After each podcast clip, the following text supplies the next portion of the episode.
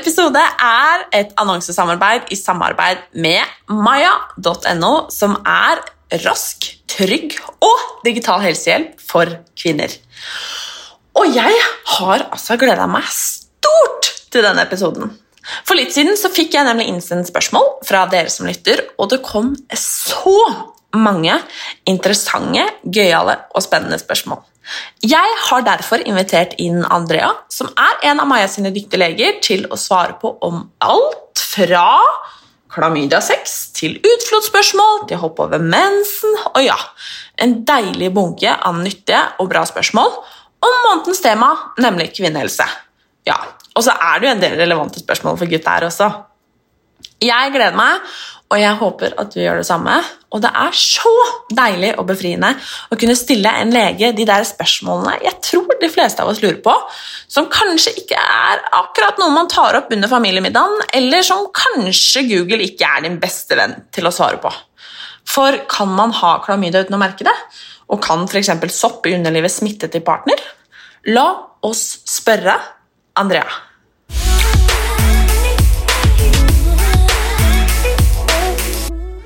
Hei og velkommen, Andrea. Tusen takk. Veldig hyggelig å være her. Veldig hyggelig å ha deg her. Jeg må innrømme at jeg er litt sånn, litt sånn spent. Det Ja. er eh, Altså, jeg syns egentlig ikke jeg hadde så veldig mye seksualundervisning på, eh, når jeg gikk på skolen. Eh, så jeg har litt den samme den derre Hva skal man si, den derre spente følelsen. Litt den derre? Som jeg hadde når jeg så det var liksom Man kunne ikke være syk når det, man visste at man skulle ha seksualundervisning en torsdag, liksom, Mm. på skolen, for det var så sjeldent, da. Eh, da måtte man være der. Ja, det husker jeg også. Den var viktig å komme nå. seg. Ja. Jo, men det er jo akkurat det. Mm. Så, men her er vi. Litt annen setting, da. Mm. Men veldig hyggelig. Ja. For um, jeg har uh, spurt de som lytter, eh, om de har noen spørsmål. Egentlig ganske generelt om kvinnehelse. Og det har vært enormt mye spørsmål. Og det skjønner jeg, fordi det er, eh, det er jo mye spørsmål. eh, Og mye man lurer på rundt kvinnehelse. Mm. Både fordi at det er jo enormt, men også mye som ikke blir snakka om, og som vi ikke veit. Mhm. Og samla sammen en god bunke med spørsmål som vi skal dra oss gjennom nå, om eh, egentlig fra A til Å, kanskje. Mhm. Og det første spørsmålet, det er noe jeg faktisk har lurt på selv òg. Kan man ha sex mens man behandles for klamydia? Nei, det vil jeg ikke anbefale. Eh, man bør unngå ubeskyttet samleie mens man behandles, og en uke etter fullført behandling. Eh, det er faktisk bare for å unngå å eventuelt resmitte hverandre. At partner kan bli smitta av deg, og så smitter man hverandre tilbake, og så er det en sånn ond sirkel. Så unngå samleie den uken du er under behandling, og uken etter du har fullført behandlingen. Noen velger kanskje å bruke kondom, eh, men jeg vil i utgangspunktet anbefale å bare unngå sex de ukene. Mm. Mm. Enkelt og greit. Yes. Veldig enkelt og greit. Og da lurer jeg på hvordan bør man vaske seg nedentil? Ja, det har jeg fått mye spørsmål om eh, der jeg jobber også. Nedentil har vi veldig mange gode bakterier eh, som bidrar til å opprettholde en naturlig flora, eh, som vil holde bakterier og annet grums unna. Og det som skjer hvis man vasker seg for mye, så kan man vaske vekk disse gode bakteriene, og da kan det være ganske ødeleggende for underlivet ditt og forverre symptomer som kløe og svie, f.eks. Eh, det man gjør, det er å faktisk bare vaske vekk de gode bakteriene som beskytter underlivet ditt. Eh, Så generelt pleier jeg å anbefale én vask daglig er nok. Man trenger ikke å vaske mer. Med bare vann, egentlig? Med bare vann. Ja. Hvis man vil bruke såpe, så kan man det, men da bør man bruke en såpe som er beregnet for underlivet, altså intimsåpe med, med lav pH. Men er det nødvendig å bruke såpe? Nei, det skal ikke være nødvendig. Nei. Eh, noen kan ha litt tørr hud nedentil, og, og da kan det være greit å bruke f.eks. en parfymefri olje eh, som, som, kan fukte litt. Eh, for tørr hud nedentil kan også bidra til litt kløe og svie og, og sår igjen. Um, og man kan lettere utvikle f.eks. soppinfeksjon hvis man har mye, mye tørrhet. Ja. Eh, så, og man skal heller ikke bruke såpe Hvis man velger å bruke såpe, eh, skal man ikke bruke det på slimhinnene. Nei, for det her skal jeg spørre deg om nå. For Mhm. at det her Altså, man har jo alltid, eller i hvert fall jeg, lært at man skal vaske seg nede, ikke sant? Mhm. Og så har jeg egentlig lurt på Ok, men hvordan Altså, Hvordan gjør man det? hvordan gjør man det? Og sånn når det, spesielt, altså Vann er jo én ting, sant? det er jo ganske enkelt. Men mm, hvis man da velger å bruke såpe, eller føler at man har behov for det, f.eks. Mm. hvis man har vært veldig svett, eller altså, så kan jeg forstå det behovet at man tenker at oh, nei, men akkurat som man vasker seg under armene med såpe, så kan det være fristende å vaske seg med såpe der òg. Mm. Men da er det jo på utsiden, er det ikke det? det eller, Jo, altså, stemmer. Du skal ikke aldri inn. vaske inn i de indre kjønnsleppene, f.eks. Aldri inn i skjeden heller. Mm -hmm. Jeg vet at det er noen som noen ganger spyler skjeden f.eks. etter sex. Det skal man ikke gjøre. Da, da vasker du bare bort alle disse gode bakteriene vi har som beskytter underlivet. Eh, Så aldri spyl vann eller såpe inn i skjeden, og aldri inn i disse slimhinnene, så, altså mellom de ytre kjønnsleppene. Såpe skal kun på, på huden utenfor. Ja, Mm. det har jeg lurt på selv, så det var et veldig godt og lurt spørsmål. Ja, så bra. Det er sånn at skjeden ordner seg som regel opp selv. Den er selvrensende, så, så den fikser det aller meste. Så vi skal ikke styre for mye. Det er en som lurer på hvordan kan jeg få mindre utflod? Jeg bruker truseinnlegg daglig på grunn av det. Mm. Interessant. Eh, utflod er faktisk en av de vanligste årsakene til at kvinner oppsøker lege. Eh, alle kvinner har jo utflod i mer eller mindre grad, eh, og et viktig poeng er at eh, man har sin egen normalitet på dette. Så, så mengden utflod og hvordan den ser ut, det varierer fra kvinne til kvinne. Så man må egentlig finne ut hva er min normalitet. Og interessant med utflod også fordi den varierer i forhold til syklusen vår. Eh, Jeg syns det er ganske fascinerende sånn rundt eggløsningstid, altså den perioden man er fertil og kan bli befrukta, så, så endrer utfloden seg ofte til å bli litt mer klissete og, og mer klar i fargen, og man kan trekke den nesten som sånne tråder, at den blir som en sånn eggehvite. Eh, Og det gjør den rett og slett for å kunne eh, lettere få sædcellene opp til livmoren og kunne frakte de opp og gi næring underveis. Eh, Etter eggløsningsperioden, da, da går den tilbake til å bli mer hvitaktig i fargen. Så her må man egentlig bare bli kjent med sin egen utflod og, og hva som er din normalitet. Um, hvis det er noen endringer i utfloden, uh, da kan det være tegn på eh, sykdom eller infeksjon. Uh, så da må man ta det videre med lege. Uh, typisk er at f.eks. ved bakteriell vaginose eller soppinfeksjon kan ofte endre seg. Um, men det må man mm, rett og slett bare finne ut av selv. Hva, hva er min normalitet, og, og er det noe unormalt for meg? Er, det, er det noe stress å bruke truseinnlegg daglig? Nei, jeg tenker at uh, man kan det, men jeg ville nok ikke anbefalt det hver dag. Eh, det som er viktig for underlivet også, er å få godt med sirkulasjon av luft og oksygen eh, for å kunne holde på denne naturlige floraen. Eh, så hvis man bruker mye tryseinnlegg og det blir mye klamt, eh, så kan det også gi god vekstvilkår for eh, bakterier og sopp og annet grums. Så, så heller bomullstruse og, og la utfloden komme i trusa. Mm. Lurt å sove naken, sånn som jeg gjør, med andre ord. Ja, det anbefaler jeg ofte. I hvert fall hvis man er plaget med f.eks. mye soppinfeksjoner. Så, så syns jeg det er fint å kunne la tissen få puste litt innimellom. Eh, hvis man ikke vil sove naken, så kan man bruke en løs bomullstruse. Mm. Godt tips. Og da lurer jeg på hvor mye altså, utflod er normalt. Du sa det jo litt, Mm. men det er ikke er nettopp det at det varierer jo så innmari fra person til person. Ehm, Men når vi snakker om hvor mye, så, så lurer jeg på om det er omtrent rundt eh, to gram er det man sier er vanlig. Så hvis du tar til sammenligning, så er en sjokoladebit er kanskje fem gram. Eh, så noe utfor skal man ha hver dag eh, gjennom hele døgnet. Det er rett og slett skjeden som ordner opp. Ehm, ja, men øker det mer enn normalt, da tar man det videre med legen. Mm. Det er også spørsmål som jeg eh, har lurt på mange ganger selv, og som mange lurer på. Og det tror jeg er fordi at det fins mange myter der ute. Eh, og spørsmålet er er det farlig å hoppe over mensen, og er det farlig å bruke p-piller for lenge? Nei, det er ikke farlig å hoppe over mensen. Eh, det er heller ikke farlig å bruke p-piller for lenge. Eh, dette med å hoppe over mensen, det er det mange som kan gjøre hvis man bruker østrogenholdig prevensjon, altså kombinasjonspreparater. Så kan man velge å hoppe over mensen egentlig så lenge man vil. Eh, det er ikke noe farlig. Eneste ulempen med det, det er at noen kan oppleve å få litt eh, små gjennombruddsblødninger innimellom.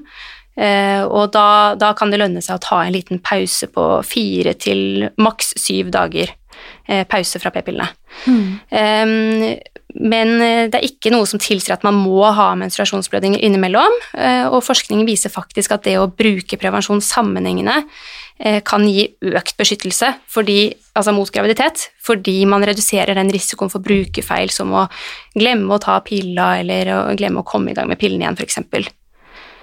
Når det gjelder det å bruke p-piller for lenge, så er det heller ikke farlig. Studier viser faktisk at de som bruker p-piller, har mindre risiko for å bli steril enn de som ikke bruker det.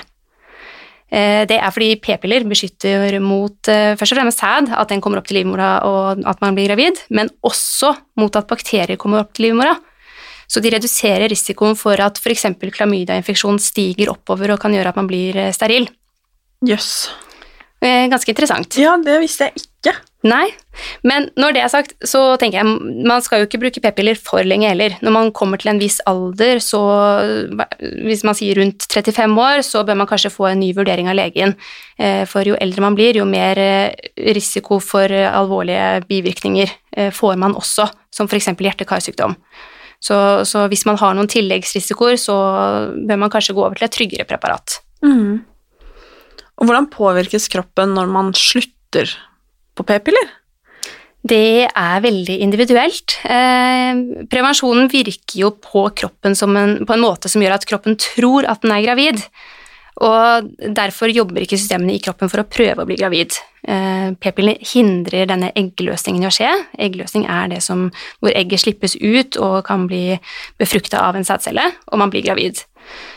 Ehm, når man slutter på prevensjon, så begynner kroppen å produsere egg igjen, eh, og man etablerer da en regelmessig syklus med eggløsning og menstruasjoner.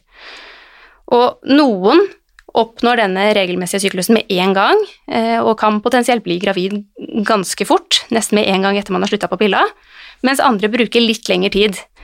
Eh, men vanligvis så etablerer man en, sin egen normale syklus ganske fort og i løpet av en måneds tid.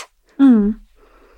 Hm. Jeg har liksom aldri Jeg har testa mye forskjellig prevensjon, men jeg har liksom aldri slutta helt. Eh, så jeg har liksom aldri liksom tenkt på at hvordan det blir for kroppen, for det har blitt så naturlig å bare gå på prevensjon. Men mm. jeg vet at eh, Eller jeg også har tenkt den der Oi, kanskje f.eks. den dagen jeg tenker at ok, nå har jeg lyst til å bli gravid, at jeg må slutte i god tid fordi at kroppen må ha tid til å stabilisere mm. seg og sånn. Er det sånn for alle, eller er det bare noe man liksom tenker og sier? Ja, veldig mange tenker det. Eh, og, og når, det er noen som bruker litt lengre tid på å finne tilbake til syklusen sin. Mm. Og hvis man tenker at man ønsker å bli gravid, så, så, kan det være vanskelig å finne ut når man har denne eggløsningen, f.eks. Det er ikke alltid så lett.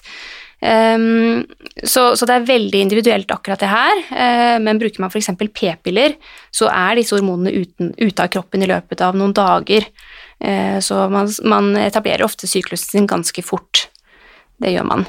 Eh, og så er det et av prevensjonsmidlene som p-sprøyte. Eh, det kan sitte i litt lenger, så man kan bruke litt lengre tid på å få tilbake syklusen sin. Og hvordan bli kvitt sterke mensensmerter? Det er det mange som lurer på, inkludert meg selv. Ja, det forstår jeg veldig godt, for det er jo så utrolig vanlig å ha menstruasjonssmerter. Eh, de aller fleste har det i en eller annen grad, men så er det å skille mellom de som har kanskje lettere plager, eh, som går over av seg selv, versus de som har ordentlig sterke, voldsomme smerter, som krever litt mer behandling. På legespråket så deler vi det inn i to kategorier, hvor vi kaller det primær eller sekundær dysmenoré, eller smerte ved menstruasjon. Uh, og, og, det aller vanligste er jo disse som faller inn under primær, som er uh, unge jenter som får menstruasjon og begynner å få litt smerter før mensen. At man merker at 'å, nå begynner mensen å komme'. Uh, det gjør jo de aller fleste. disse smertene pleier å gå over, altså, altså gradvis over i løpet av 20-årene, at det blir bedre og bedre. Um, men så har vi disse som kanskje begynner å få mer smerter litt senere i livet mer enn de har hatt før, eh, typisk når man er kanskje i 30-40-årene. Eh, og da er det viktig å se etter kanskje en underliggende årsak, eh, f.eks. endometriose, eller hvis man har noen muskelknuter på livmoren og ja, andre årsaker. Eh, I forhold til behandling, eller hvordan man kan bli kvitt det, eh, så, så, klarer de aller fleste seg med kanskje betennelsesdempende med Ibux, e eventuelt i kombinasjon med Paracet. Eh, og veldig mange bruker p-piller, eh, som har god effekt på menstruasjonssmerter. Hvis man ikke kommer i mål med dette, da bør man snakke med legen sin på nytt for å kanskje få en ny vurdering, og eventuelt litt sterkere smertestillende. Mm. Men så er det da disse som har en underliggende årsak, hvor man bør eh, da se etter årsak til sterke smerter. Mm. Er det på en måte Hva skal man si i og med at mange da har mensen en gang i måneden, liksom. Mm. Eh, og hvis man har disse dagene der er, man har veldig smerter, liksom, er det noe altså, farlig å ta Gå på smertestillende? Altså sånn typ sånn en gang i måneden, liksom? Nei, det tenker jeg ikke. Mm -hmm. eh, her må man veie litt eh, for og imot, holdt jeg på å si. Altså, Ibux og Paracet kan man fint bruke en gang i måneden. Um, Uh, og da er det litt sånn å bruke litt smertestillende en gang i måneden versus å kanskje ligge og ha det ordentlig vondt. Da vet jeg hva jeg ville valgt selv, i hvert fall. Mm. Mm. Jeg fikk jo eh, påvist både eh, høygradig celleforandringer og HPV-virus i sommer. Og når jeg fikk vite at jeg hadde HPV-virus, så tenkte jeg Hæ? Mm. Og så tenkte jeg, men og samme celleforandringen, at dette her er jo jeg vaksinert mot. Mm. Eh, skjønte liksom ingenting. Jeg trodde at jeg var vaksinert mot livmorsalskreft, jeg. Ja. Mm. Eh, og jeg har jo selv fått mye spørsmål om HPV-viruset når jeg har snakka høyt om dette her, og mange som har spurt sånn Hei, ja, men har du ikke vaksinen og alt dette her? Og så bare sånn Jo, det har jeg. Eh, og jeg har også liksom vært sånn Hæ, hvorfor Altså i og med at jeg også da har hatt en fast partner eh, siden altså, hva blir det, de syv siste årene typ, og alt dette her. Så man begynner å få sånne spøkelser ikke sant, og tenker mm. sånn Hæ? Og så leser man, og så får man Neimen, HPV smitter med ved seksuell kontakt, og så liksom mm. Hæ? Ikke sant? Mm. Um, så et spørsmål som en har stilt, som jeg også lurer veldig på, det er hva gjør at man får HPV-viruset? Og hvem er det som får det? Og er det farlig? HPV-viruset smitter jo, som du sier, eh, gjennom seksuell kontakt, eh, og da hudkontakt, eh, altså hud til hud. Så det betyr at kondom beskytter ikke alltid 100% mot dette, det beskytter bare delvis. Og det er fordi huden som ikke er beskytta av kondom, kan, kan, smitte over til partner. Og det finnes veldig mange typer HPV-virus. Vi har over 200 ulike typer. Eh, hvor noen er eh, såkalte lavrisikovirus eh, som ikke gir noen alvorlige symptomer. Noen av disse gir f.eks. kjønnsvorter, som ikke er alvorlig, men kan være veldig plagsomt. Og så har vi noen typer som er høyrisikovirus, og det er de som kan gi celleforandringer. Og eventuelt da livmorhalskreft. Så hvis man blir smitta med disse høyrisikotypene, så, så kan det være potensielt ganske alvorlig. Men det skal sies at omtrent 1% av de som blir smitta med sånne høyrisikotyper, de 1 utvikler da kreft. Mm. Men menn kan også bli smittet av HPV, og er det farlig for dem? Menn kan også bli smittet av HPV, absolutt. Eh, De kan også få kjønnsvorter, som vi kvinner får, og de kan også ha disse høyrisiko-HPV-typene. Eh, De utvikler jo ikke livmorhalskreft, for de har jo ingen livmor, men de kan eh, ha HPV som kan forårsake f.eks. analkreft eller kreft i penis, eventuelt kreft i munn og svelg. Ja, så det er på en måte stort sett menn som smitter kvinner med HPV, Og motsatt. og motsatt. Mm. Ok, så det går ikke bare den ene veien. Det er, det er begge. Det går begge Så veier. Menn kan da selvfølgelig smitte menn, og kvinner kan også smitte kvinner. Absolutt. Ja. Det stemmer. Eh, Og det er jo også derfor eh, vi har, det er innført nå i barnevaksinasjonsprogrammet at eh, gutter også får denne HPV-vaksinen Ja. som kvinner får. men man Når man vaksinerer seg, så trodde jo jeg at liksom Ok, nå er jeg vaksinert, null stress. Men allikevel så har jeg jo fått HPV-virus. Og det er vel da fordi at den ikke vaksinerer mot alle disse selvfølgelig 200 typene, liksom. Mm, det stemmer. Vaksinen beskytter mot noen typer. Og da er det snakk om de vanligste typene som forårsaker f.eks. livmorhalskreft. Mm. man regner med at det er i hvert fall to typer som er veldig vanlige, som står for de aller fleste av disse tilfellene, og, og vaksinen beskytter mot disse typene. Men eh, når det er sagt, så beskytter den ikke mot absolutt alle, så man kan ha uflaks og bli smitta med én type som, eh, som den ikke dekker. Eh, eller så kan man ha blitt smitta med HPV-viruset før man har fått vaksinen. Men nå som det er 80 så er det sikkert mange som tenker nå, herregud, kanskje jeg har HPV-virus. Er det sikkert mange som tenker. Mm. Men eh, hva, hva kan man si til de som nå tenkte herregud, jeg har sikkert HPV-virus, bla, bla, bla. Det kan høres veldig mye ut, eh, men da er det det med at det er så utrolig mange forskjellige typer HPV-virus. De aller fleste er helt ufarlige typer, og kroppen kvitter seg ofte med det selv. Eh, og at det er forbigående HPV-infeksjoner, helt vanlig.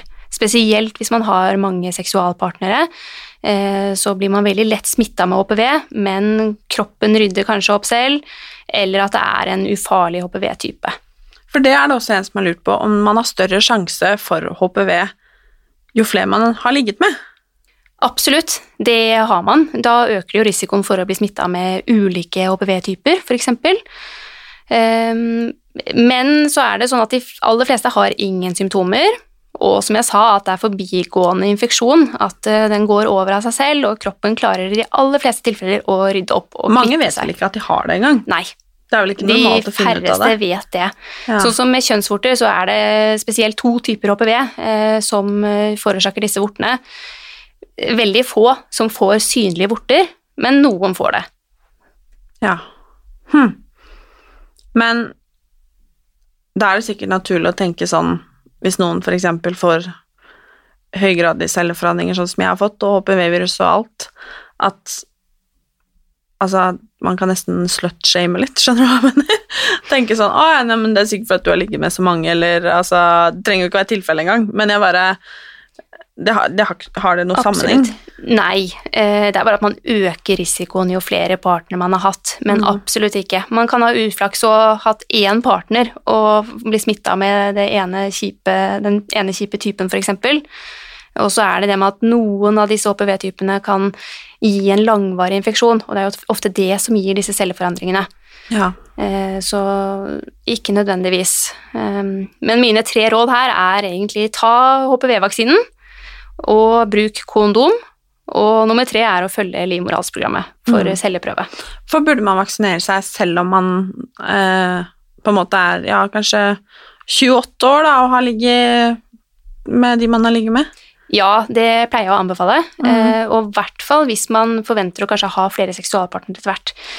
For man kan potensielt da bli smitta om to år av et høyrisiko HPV-virus f.eks., eh, og da, da er man i hvert fall beskytta da. Mm.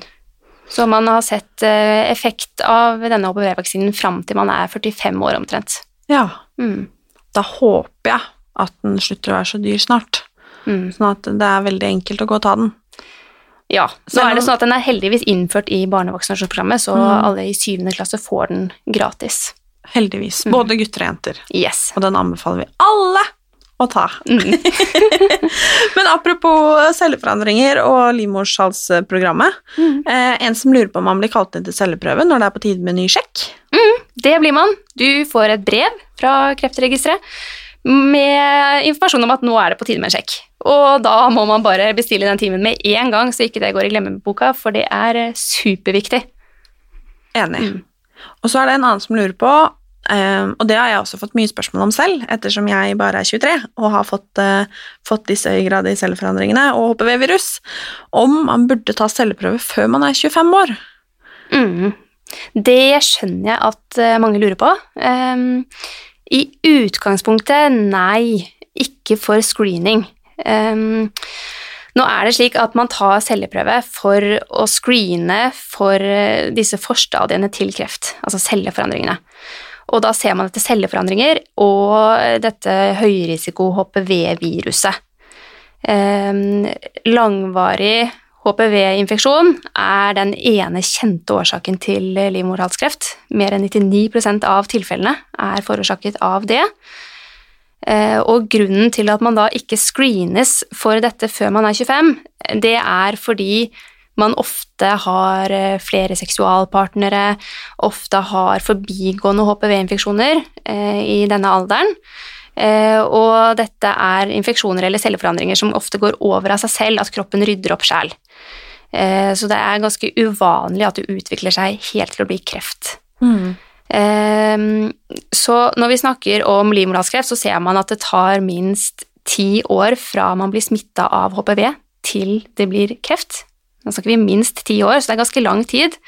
Og derfor ser man heller ikke noe forebyggende effekt mot kreft for de som er under 25 år. Eh, og det er gjort flere studier på dette her, og det viser også at det er eh, flere ulemper enn fordeler med å screene de som er yngre. Eh, for det kan føre til overbehandling.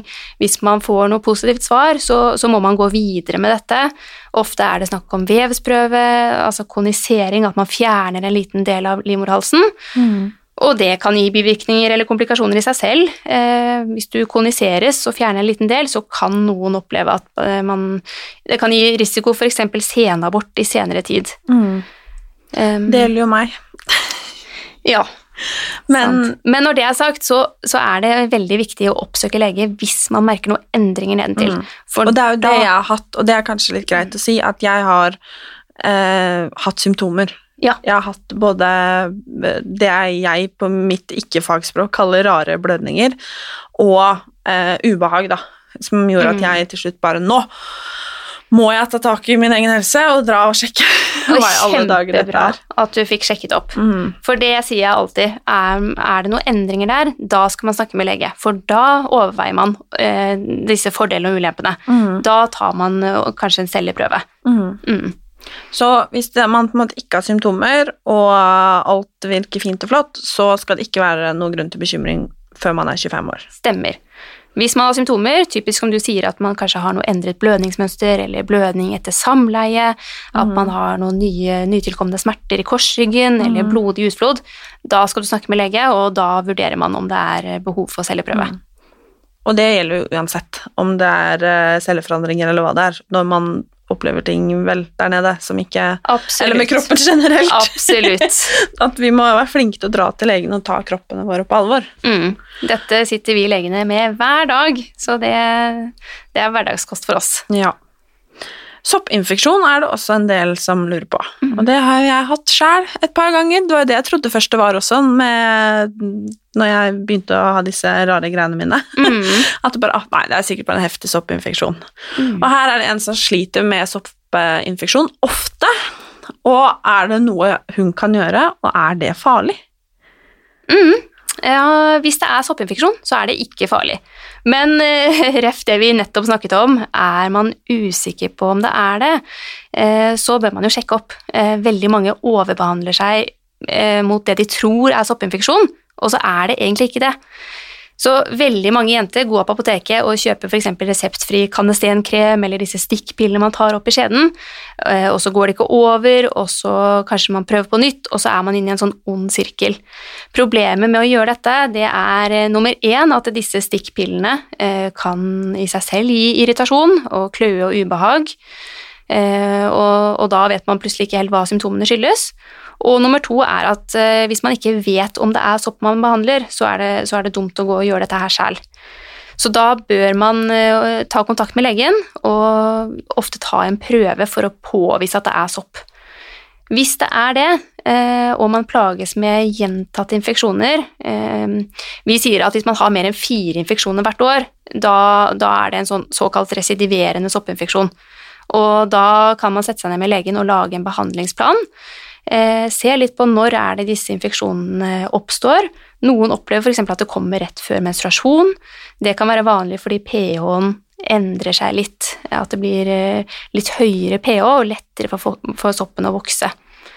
Mens eh, andre har kanskje ikke noen sykliske eh, soppinfeksjoner, men at det kommer litt til og fra. Eh, da kan man lage en plan med legen, og f.eks. med sånne kapsler man svelger. Ja. Mm. Hmm. Og det som er viktig med det her også, tenker jeg, når man har gjentatte infeksjoner, det er å utelukke at det er noen underliggende årsaker. Eh, typisk er f.eks. graviditet, eller hvis man har fått en antibiotikabehandling. Eh, da kan man eh, skylle vekk disse gode bakteriene som er der for å beskytte normalfloraen, og så gir det gode vekstvilkår for soppen. Eller hvis du har diabetes, kan du få også økt risiko for å få soppinfeksjoner, eventuelt nedsatt immunforsvar. Så det er viktig å ta tak i dette med legen og, og bare utelukke at det er noe som ligger eh, underliggende årsak eh, som får dette til å blomstre opp. Mm. Kan gjentatte klamydiainfeksjoner gjøre det vanskelig å bli gravid senere?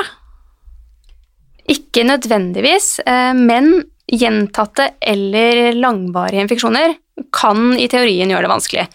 Eh, det skjer hvis eh, klamydiabakterien klatrer oppover livmoren og til disse egglederne, lager arrvev der, som gjør at det er kanskje vanskelig for egget å slippes ut senere under eggløsningen. Eh, da får man ofte det man kaller en bekkeninfeksjon, hvor man får symptomer som smerter i magen, man kan føle seg litt dårlig, ha feber eller høye infeksjonsverdier på blodprøver.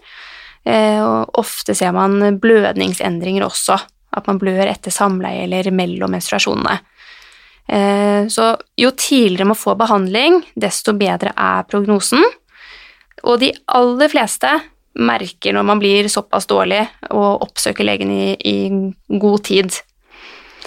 Men så er, det, så er det, noen som eh, dessverre får disse, dette arrvevet og har vanskelig med å bli, med å bli gravid. Mm. Så derfor uh, bruk kondom, og test deg hvis du mistenker at du har klamydia. Eller hvis Ja. Enig. Hvor vanlig er bakteriell vaginose? Og bare sånn kort, hva er det for noe, for de som ikke vet det? Mm -hmm. Bakteriell vagnose er en, en, ubalanse i floraen hvor man har mer oppvekst av én type bakterie eh, som gjør at man får skikkelig karakteristiske symptomer. Eh, typisk er sånn eh, økt gråhvid utflod eh, som man merker, samtidig som den lukter skikkelig fisk. Noe fiskeaktig lukt. dette forverres ofte hvis man har sex eller ved menstruasjon, fordi pH-en endrer seg. Det er en veldig vanlig tilstand. Det er, man antar at mellom 10 og 30% av kvinner har det. Eh, men eh, så er det viktig å poengtere at eh, halvparten av disse kvinnene har ikke symptomer, og da er det heller ikke grunnlag for å behandle. Et annet spørsmål er, og det tror jeg dessverre er ganske vanlig, og kanskje flere som trenger tips om Jeg tør ikke å gå til lege slash gynekolog for å sjekke underlivet. Hva kan jeg gjøre? Hvis alt er som normalt for deg, og du ikke opplever noen plager, så er det heller ikke nødvendig med sjekk hos lege. Unntaket er selvfølgelig celleprøve. Eh, det må man gjøre. Men hvis man eh, opplever noen plager eller endringer nedentil, til, da tenker jeg at man rett og slett bare må kvinne seg opp her. Eh, det må man bare gjøre. Eh, jeg husker jo selv at jeg var kjempenervøs før min første GU, altså gynekologisk undersøkelse. Jeg hadde jo bare hørt om denne stolen man sitter i og spriker med beina og eh, ikke har oversikt over hva som skjer. Men da lagde jeg en avtale med venninna mi om at uh, hun blir med meg når jeg skal gjøre det, og jeg blir med henne, og det var en trygghet å vite at hun satt på venterommet. Og i tillegg sa jeg fra til legen eh, med en gang jeg gikk inn, at du, vet hva, jeg er ganske nervøs. Og da husker jeg at legen gjorde alt for å gjøre det så komfortabelt som mulig for meg. Eh, vi ble enige om at hun forklarte meg alt underveis av hvordan prosessen fungerte, og det opplevde jeg som veldig, veldig behagelig. Eh, og som lege selv så har jeg massevis av disse jentene som er nervøse, og som kanskje har sin første gynekologiske undersøkelse. Og jeg Noen liker å f.eks. snakke om helt hverdagslige ting mens man gjør den undersøkelsen. Det kan være at man snakker om været eller skolen eller en eksamen de skal ha snart, f.eks. Mens andre liker å bli fortalt underveis hva jeg gjør, eh, og hva jeg ser. Og så er det noen som ikke liker å prate i det hele tatt, eller kanskje vil høre på musikk mens man eh, undersøker. Så her eh, er det viktig å ha en åpen dialog med legen. Bare si fra med en gang om at du er nervøs, og så tar dere det derfra. Og um, et lite tips også er at man kan ha på seg kjole eller skjørt. Ja, for det skulle jeg tipse om. Det er Ja. veldig lurt.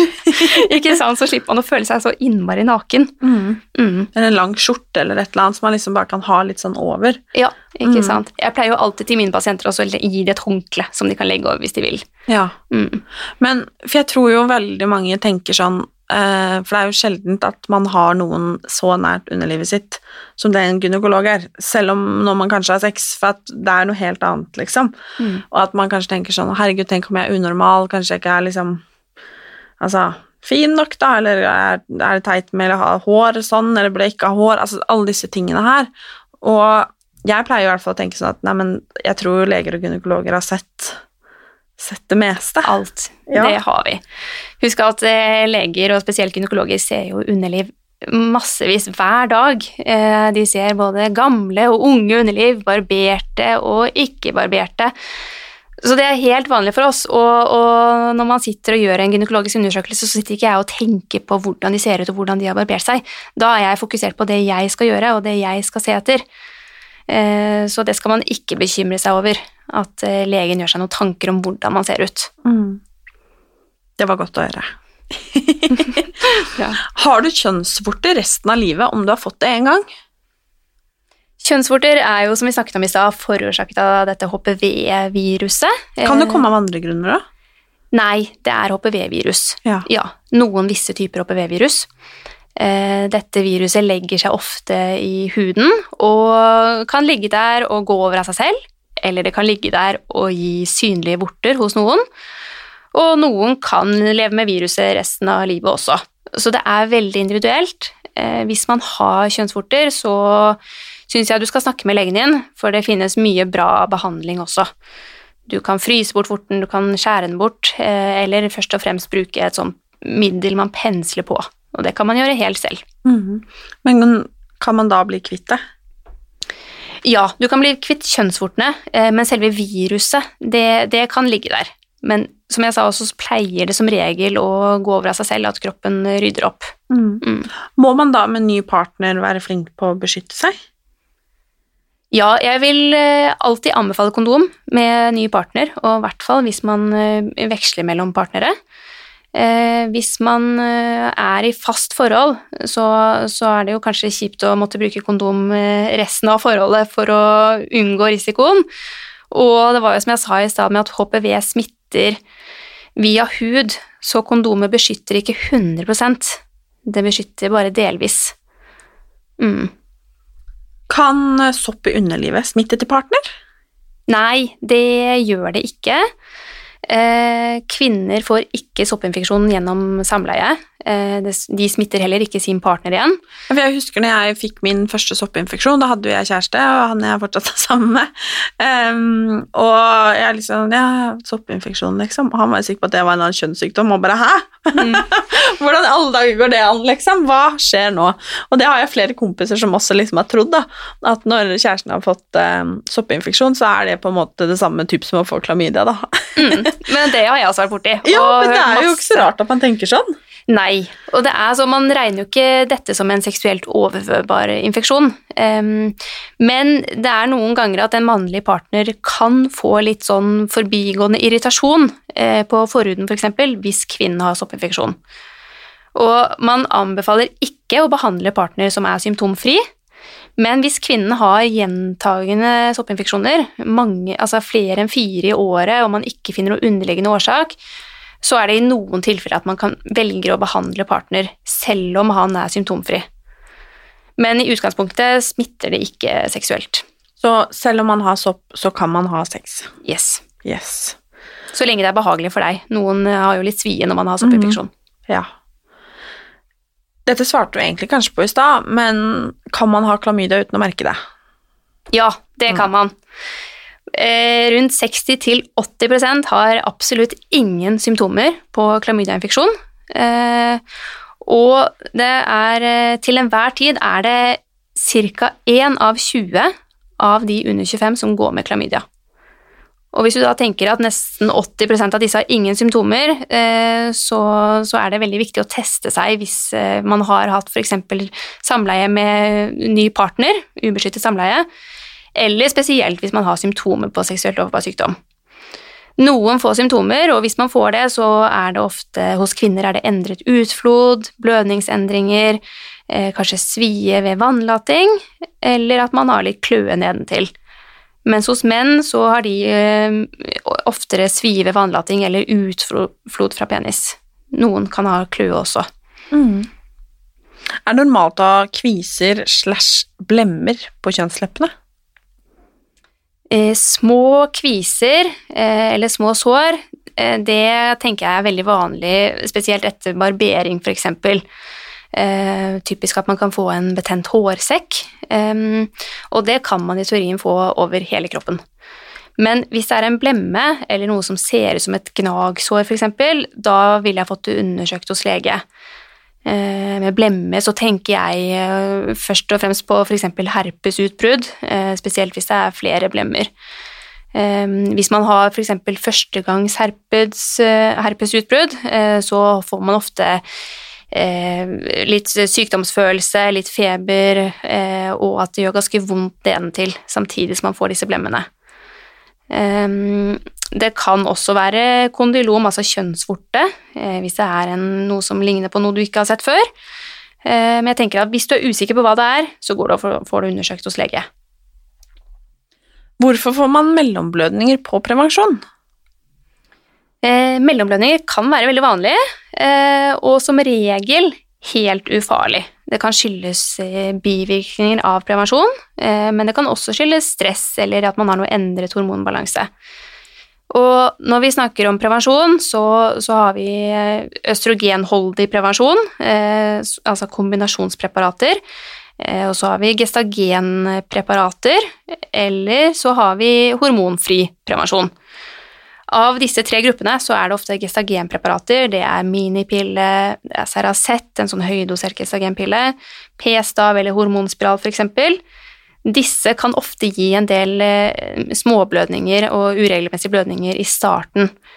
Eh, Når det er sagt, så pleier det å gi seg etter hvert. eh, Man anbefaler ofte å bruke preparatet i tre måneder, fordi de fleste bivirkninger går over innen den tid. Kombinasjonspreparater, altså østrogenholdig, det er p-piller, p-plaster, p-ring f.eks. Det kan også gi mellomblødninger, eh, spesielt ved brukerfeil, at man glemmer å ta pilla, eller tar den til feil tid, eller hvis man har litt lav dose med østrogen, eller hvis man f.eks., som vi snakket om, hopper over mensen flere ganger, eh, så kan man få litt blødning etter hvert, og da er det greit å ta en pause. Um, men så er det det at i noen tilfeller så kan det skyldes sykdom, eh, som eh, klamydia, seksuelt overførbar sykdom, eller eh, at man bør ta en celleprøve hvis ikke dette er fulgt opp Mm. som anbefalt. Mm. Er det vanlig at eh, humør og psyken kan påvirkes av bruk av p-piller og minipiller? Det kjenner jeg meg igjen i, i hvert fall. Det er jo et veldig aktuelt tema. Eh, mye snakk om dette for tiden. Eh, det pågår mye spennende forskning der. Eh, men hittil så har ikke forskning vist at det er noe sammenheng mellom humørsvingninger eller depresjon og p-piller. Eh, Når det er sagt, så er det sånn at hvis man opplever endringer i humøret eller humørsvingninger når man begynner på en prevensjon, eh, så, så kan det være aktuelt å bytte preparat. Eh, Så snakk med legen din hvis du gjør det. Eh, Prøv et annet preparat. Hvis, det, hvis du ikke opplever effekt av det, eh, og man har utelukket andre årsaker til humørendringene, da kan det være aktuelt å f.eks. prøve hormonfri prevensjon. Så her må man bare ta en dialog med legen sin og se hva som er best for deg. Hvorfor forskes ikke kvinnehelse mer på? Og hvorfor blir ikke kvinnehelse tatt bedre vare på? Mhm. Det er også et veldig aktuelt tema. Nå skal jo ikke du på en måte stå for, eh, for resten Nei, av verden, men, men som lege, liksom. For jeg også mm. føler den frustrasjonen eh, med å ikke på en måte bli tatt på alvor, sett, hørt, og ikke få svar på en måte på hva er gærent. Mm. Eh, og at det er så vanvittig mye vi ikke vet. Mm.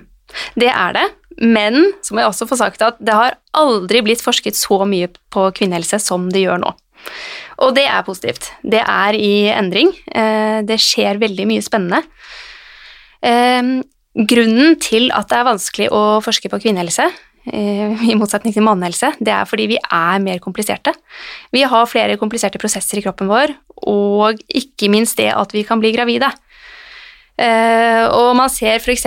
på, på fra 50-60-tallet så var det en, en tragedie som eh, mange som er født på den tiden i hvert fall kjenner til. Eh, Thalidomid-tragedien, eh, hvor Aldri hørt om. Nei, eh, jeg har hørt om fordi jeg har en hyttenabo som ble rammet av, av dette. Eh, Der forsket de på mange kvinner eh, og, og prøvde ut et nytt kvalmestillende medikament.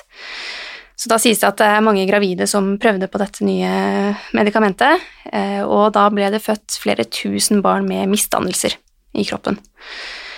Og etter det eh, ble det strammet inn, eh, og kvinner ble ekskludert fra medikamentforskning i en liten periode, av god grunn. Men så i etterkant så har vi fått på plass flere gode retningslinjer som sørger for at det er trygg forskning på kvinnehelse. Og nå brukes det mye mer midler på eh, forskning eh, enn det har gjort før. Eh, Jeg er personlig helt enig i at vi trenger mye mer kunnskap, vi trenger mer forskning, eh, men eh, heldigvis ser vi en endring her. Det er en som lurer på, eh, eller så skriver Det hender jeg får sterk kløe i underliv og økt utflod av å gå med favorittbuksene mine. What to do?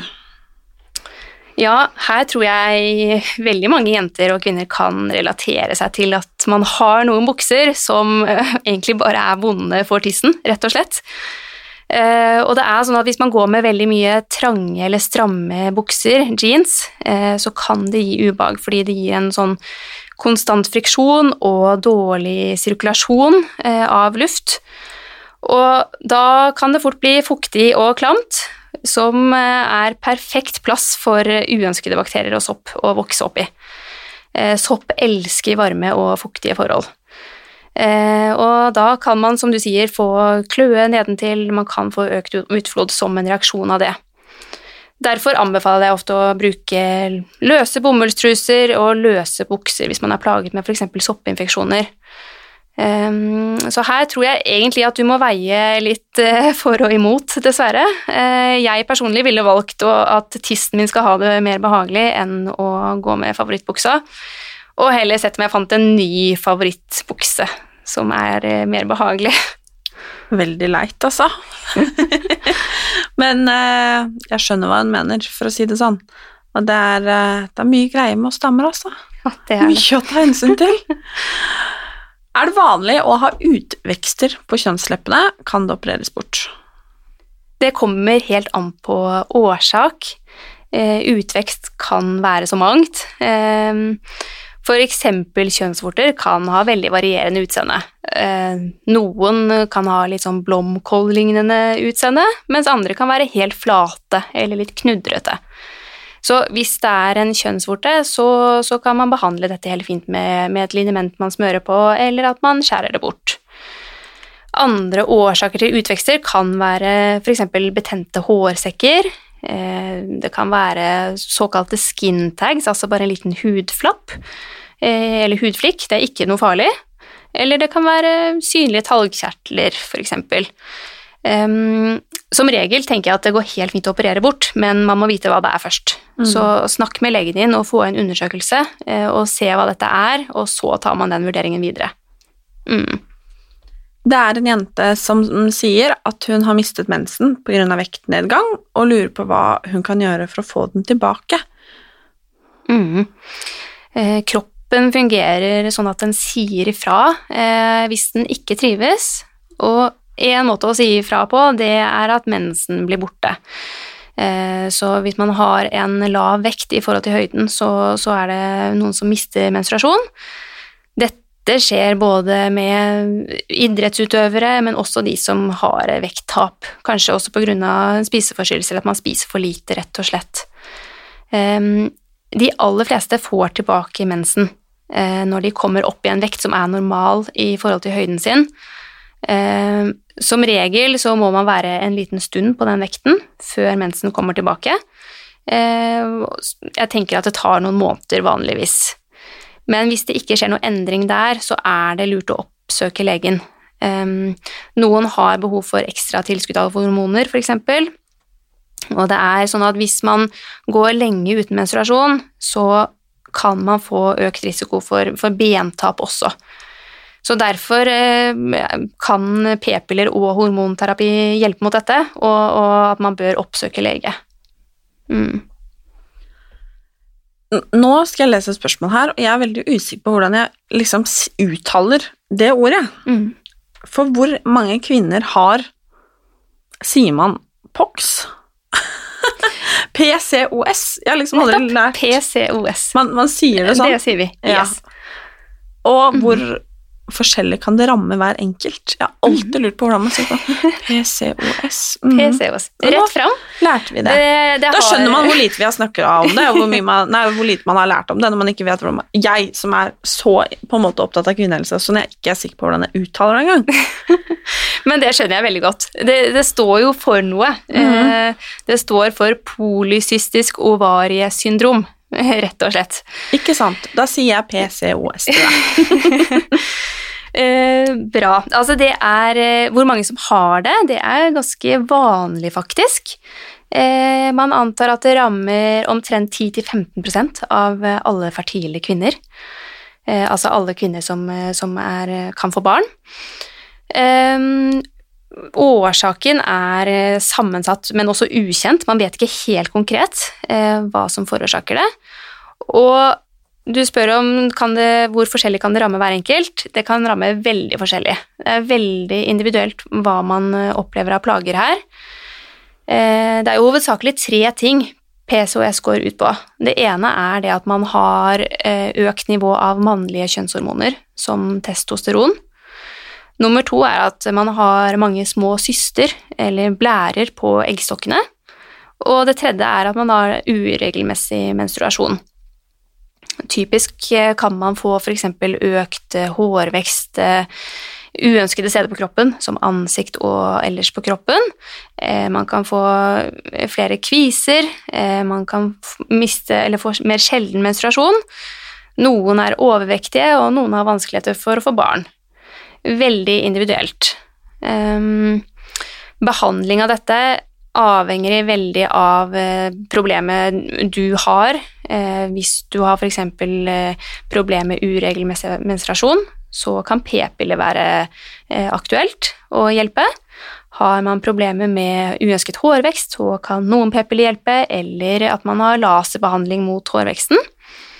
Har man problemer med eggløsning, noen opplever å ikke ha eggløsning, og derfor er det vanskelig å bli gravid også. Men da finnes det tilskudd som kan hjelpe på dette, så at man kan få hjelp til å få satt i gang eggløsningen. Et annet spørsmål som også er en uh, vanlig kvinnediagnose, lidelse. eh, hvilke muligheter er det for behandling av endometriose, og hvorfor er, hvorfor er det så vanskelig å finne ut av at man har det? Mm, veldig relevant. Uh, jeg kan ta litt om behandlingen først. Mm.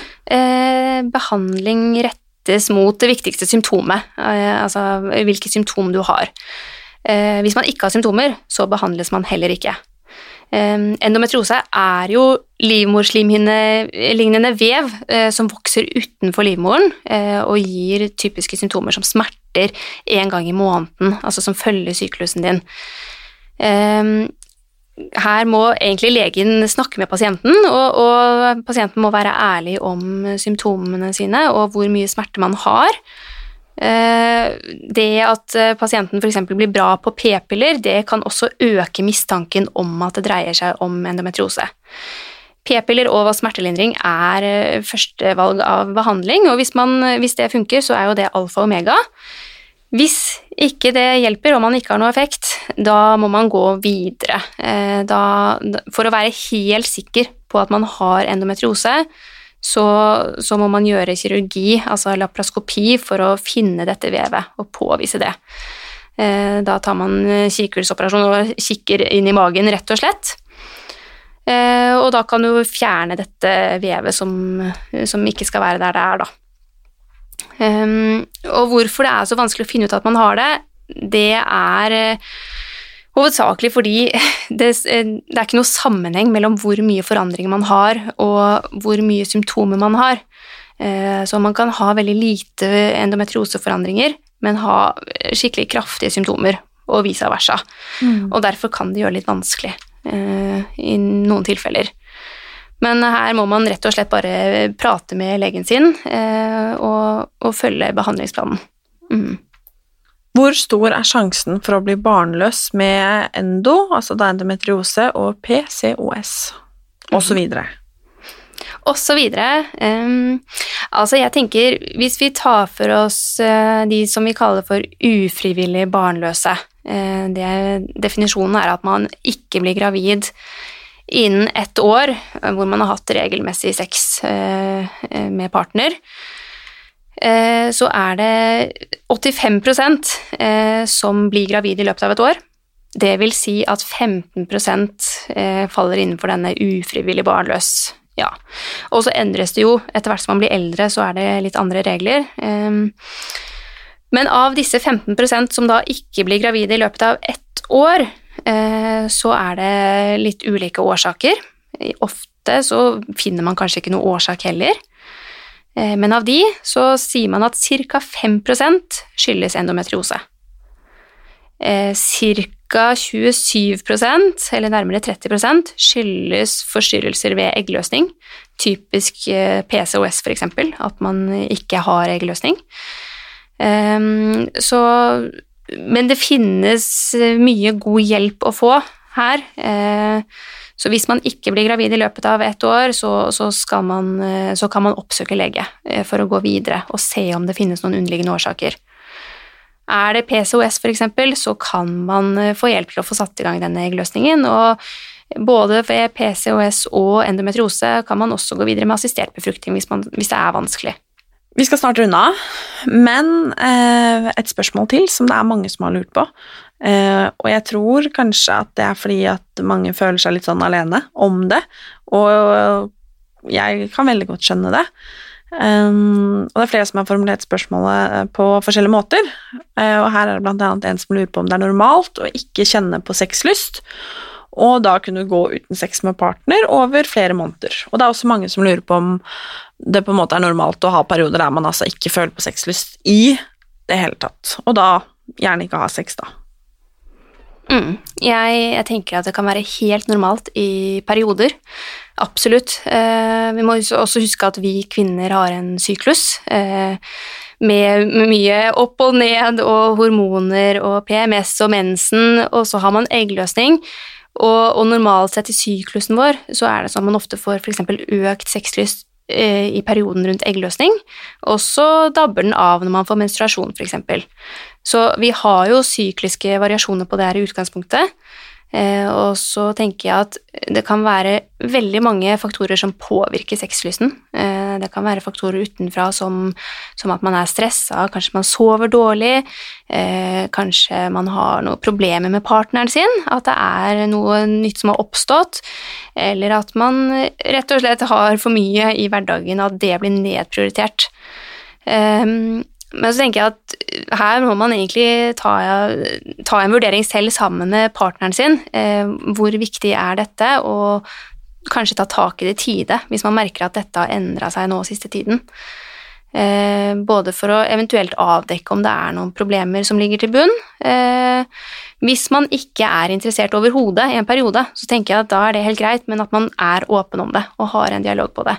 At ikke det blir en sånn ond sirkel som pågår, og så så blir det sånn at man til slutt uh, glemmer det litt, på en måte, at det bare utgår fordi man uh, ja, ikke har hatt det på, på, lenge, og det blir bare tiltak. Mm. Så jeg tenker at uh, i noen tilfeller helt normalt i, i perioder, men, men, at hvis det blir et problem, at man tenker at dette er et problem, så, så snakker man med partneren sin. Mm. Mm.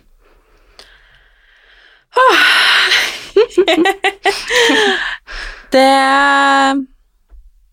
nå har jeg fått svar på mye jeg har lurt på, i hvert fall. Så bra. Jeg håper jeg har klart å besvare på det meste. Helt klart, og jeg er sikker på at mange av de som har lytta også nå, har lært masse. Kanskje mm. fått svar på spørsmålene sine, eller ting de kanskje ikke har turt å spørre om engang. Um, så jeg syns det var skikkelig fint at uh, Maja hadde lyst til å være med på denne episoden her, og du, André, hadde lyst til å komme og svare og bidra med din kunnskap. Um, mm. Det var kjempe, kjempehyggelig å komme her, og, og, veldig gøy å svare på disse spørsmålene. Veldig, Spørsmål. veldig hyggelig. Og det er um, Jeg tror kanskje um, Nå er jo du ganske åpen i din jobb, og jeg er for så vidt ganske åpen i min jobb òg. Men jeg tenker at, eh, at um, Jeg tror at det å bære på spørsmål da, som dette er, som går på egen helse og kropp, og gjerne da hvordan man har det, at um, vår kanskje felles oppfordring her kan være å snakke om det mm. og spørre om hjelp. For mm. at det er en grunn til at, um, til at, dere finnes, og at man har fagpersoner og mennesker uh, å prate med om man lurer på noe. Mm. Om kropp og helse, og både fysisk og psykisk helse også. Uh, så i stedet for å gå og bære på disse spørsmålene her, og kanskje føle seg aleine om å gjøre det òg, så kan liksom vår felles oppfordring i dag være å prate om det. Absolutt. For det er som jeg pleier å tulle med å si, at du er sjelden så unik at ingen har hatt det sånn før deg. Det var veldig godt sagt. Jeg er helt enig. Så tusen, tusen takk for at du kom, Andrea. Takk for meg. Det her var veldig lærerikt. Så bra. Og veldig fint. Så bra.